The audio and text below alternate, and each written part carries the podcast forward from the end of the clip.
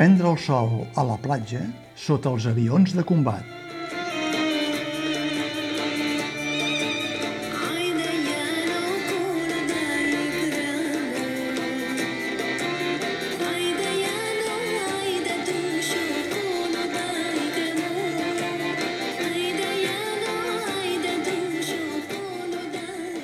No apagueu els mòbils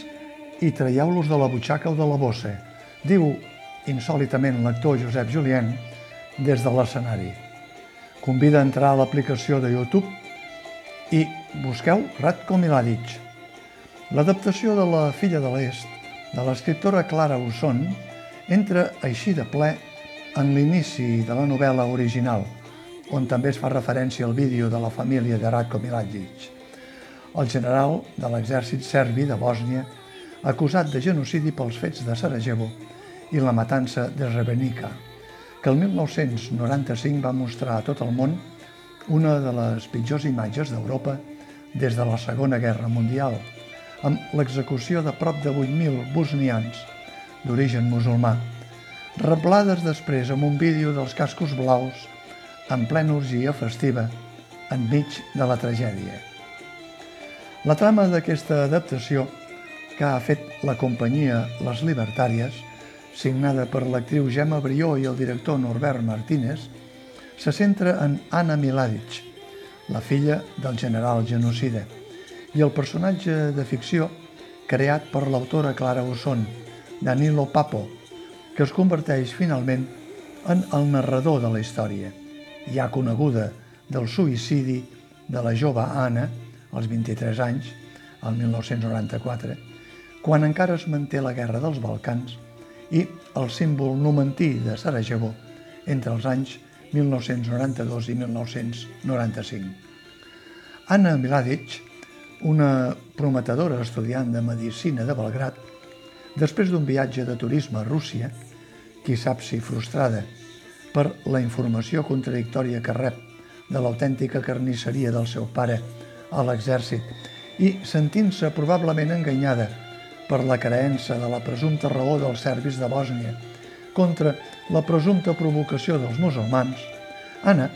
acaba amb la seva vida utilitzant a més el revòlver del seu pare, aquell mateix revòlver que ella mateixa ajudava a netejar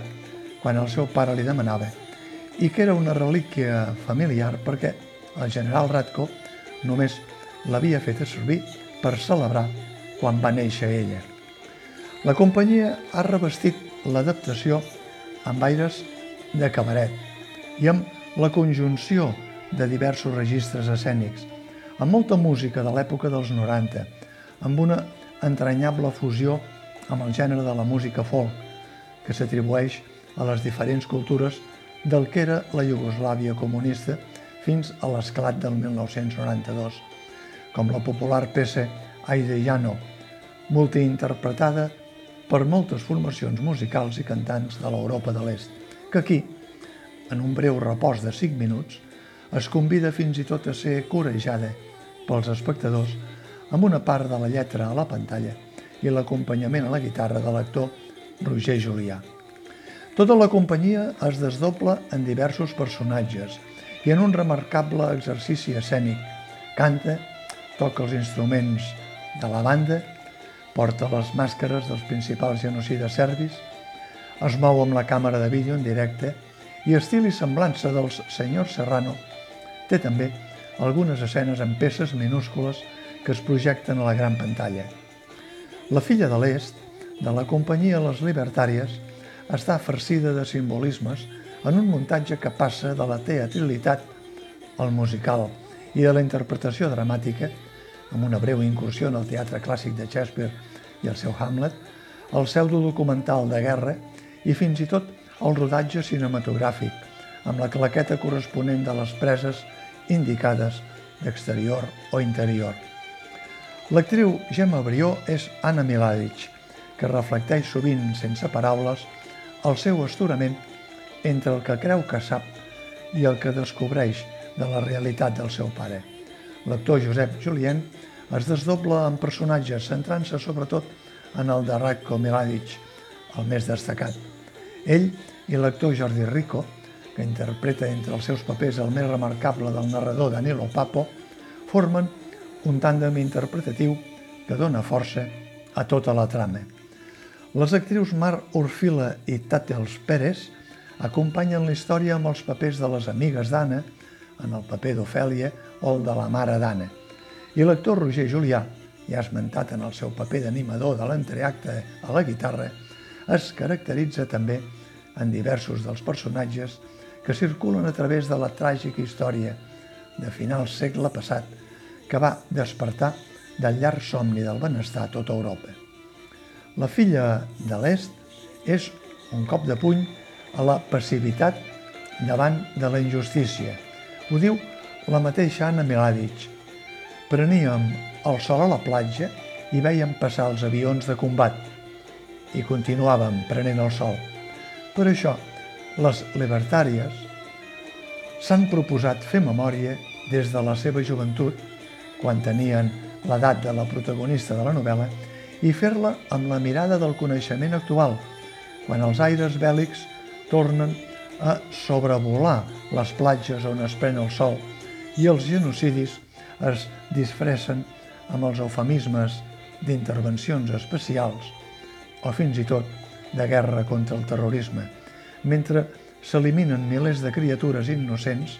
que ni tan sols han tingut temps de saber encara en quin món han arribat.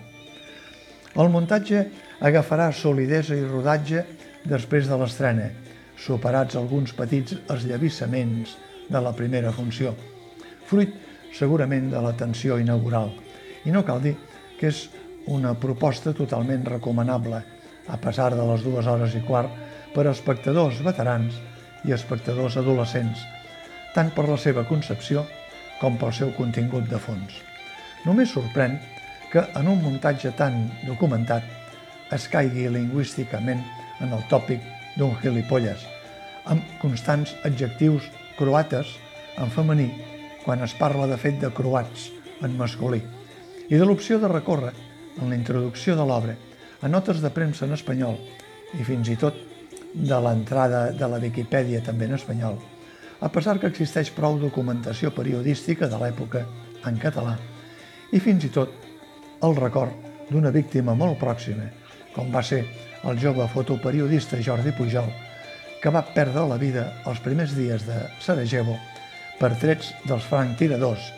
treballant de freelance per al diari Avui. A la filla de l'Est, de les libertàries,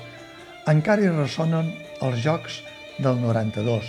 quan Barcelona i Sarajevo van crear un llaç d'amistat i solidaritat